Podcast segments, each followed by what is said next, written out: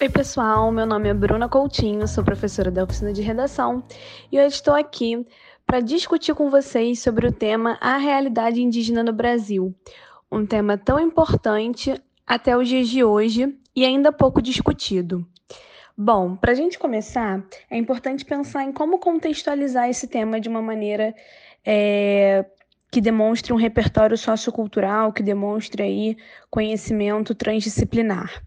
Para isso, é claro, acredito que vem à cabeça de vocês, é a, a própria colonização do Brasil em 1500, porque a nossa formação como sociedade, enquanto nação, é, contou com a presença desses povos indígenas e desde esse momento eles já sofreram a imposição né, de um processo de aculturação por parte dos colonizadores portugueses. Então ali a gente já conseguiu perceber situações é, de desrespeito às culturas, situação de violência, então, os indígenas tendo muitas vezes a sua identidade sendo apagada e sendo sobreposta pelas, é, pelas vontades, pelos desejos e pelas culturas europeias. Então, isso pode trazer né, o tema para o seu leitor à medida em que você fala que um processo que começou em 1500, na verdade, até hoje, ainda tem as suas raízes é, refletidas na convivência, no cotidiano é, brasileiro, visto que, como tese, vocês podem apresentar a ideia de que a realidade indígena do Brasil é, enfrenta, é, esses povos enfrentam dificuldades no que diz respeito tanto à defesa dos seus direitos por parte do governo, quanto ao respeito à sua cultura por parte da sociedade.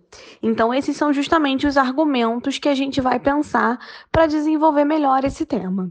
O primeiro argumento seria a negligência estatal. Para trabalhar com essa ideia, né, vocês podem, vocês podem pensar enquanto que o governo muitas vezes não trata da população indígena é, como, a, como as demais populações, né? Não trata dessa população com um respeito aos seus direitos, com um respeito às suas necessidades. Então, a gente tem aí a FUNAI, que é a Fundação Nacional do Índio, que foi criada em 1967 com o objetivo de proteger os direitos desses povos, mas é como se esse órgão não tivesse, na prática, uma atuação tão forte, já que ainda a gente consegue perceber, mesmo com a, com a existência né, dessa, desse órgão, práticas de, de desrespeito aos direitos dos indígenas, como, por exemplo, a constante apropriação de terras por parte dos grandes latifundiários. É muito comum que a gente perceba no campo situações em que os indígenas têm as suas terras invadidas, tomadas por grandes latifundiários, o que para essa população não representa apenas é, o alimento, o seu sustento, mas representa também uma parte da sua cultura, uma parte né, da, sua, da sua descendência, tem um valor muito sentimental, muito afetivo as terras para os indígenas. Então, esse seria um bom exemplo para mostrar o quanto o governo não atua em, por exemplo, permitir de maneira negligente que essas situações aconteçam com frequência, né? sem uma punição, sem uma intervenção.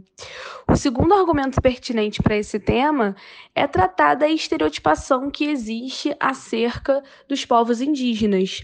É muito comum que entre a nossa população exista uma visão de que os indígenas são aqueles que usam penas, né, cocares com penas, pinturas nos, cor nos corpos. É...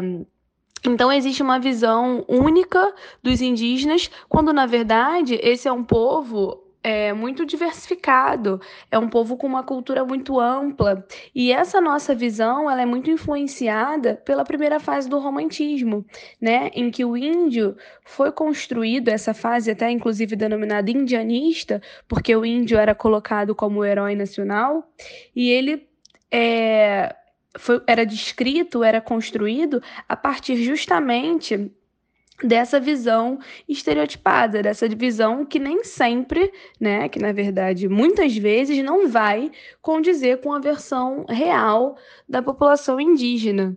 Então, até os dias de hoje, a gente ainda tem pessoas, por exemplo, é, que se fantasiam de índio no carnaval. A gente tem é, o tal do Dia do Índio, que é comemorado é, durante no, no, dia de abril, né? As escolas costumam fazer festividades, costumam falar nesse dia um pouco sobre a cultura dos indígenas, mas muitas vezes ainda seguindo estereótipos, ainda de uma maneira muito uma perspectiva unilateral, né? E durante o resto do ano falta debate, falta conversa, falta preocupação com a cultura desses, desses povos, como a gente viu já no início do podcast, né? Como eu comentei.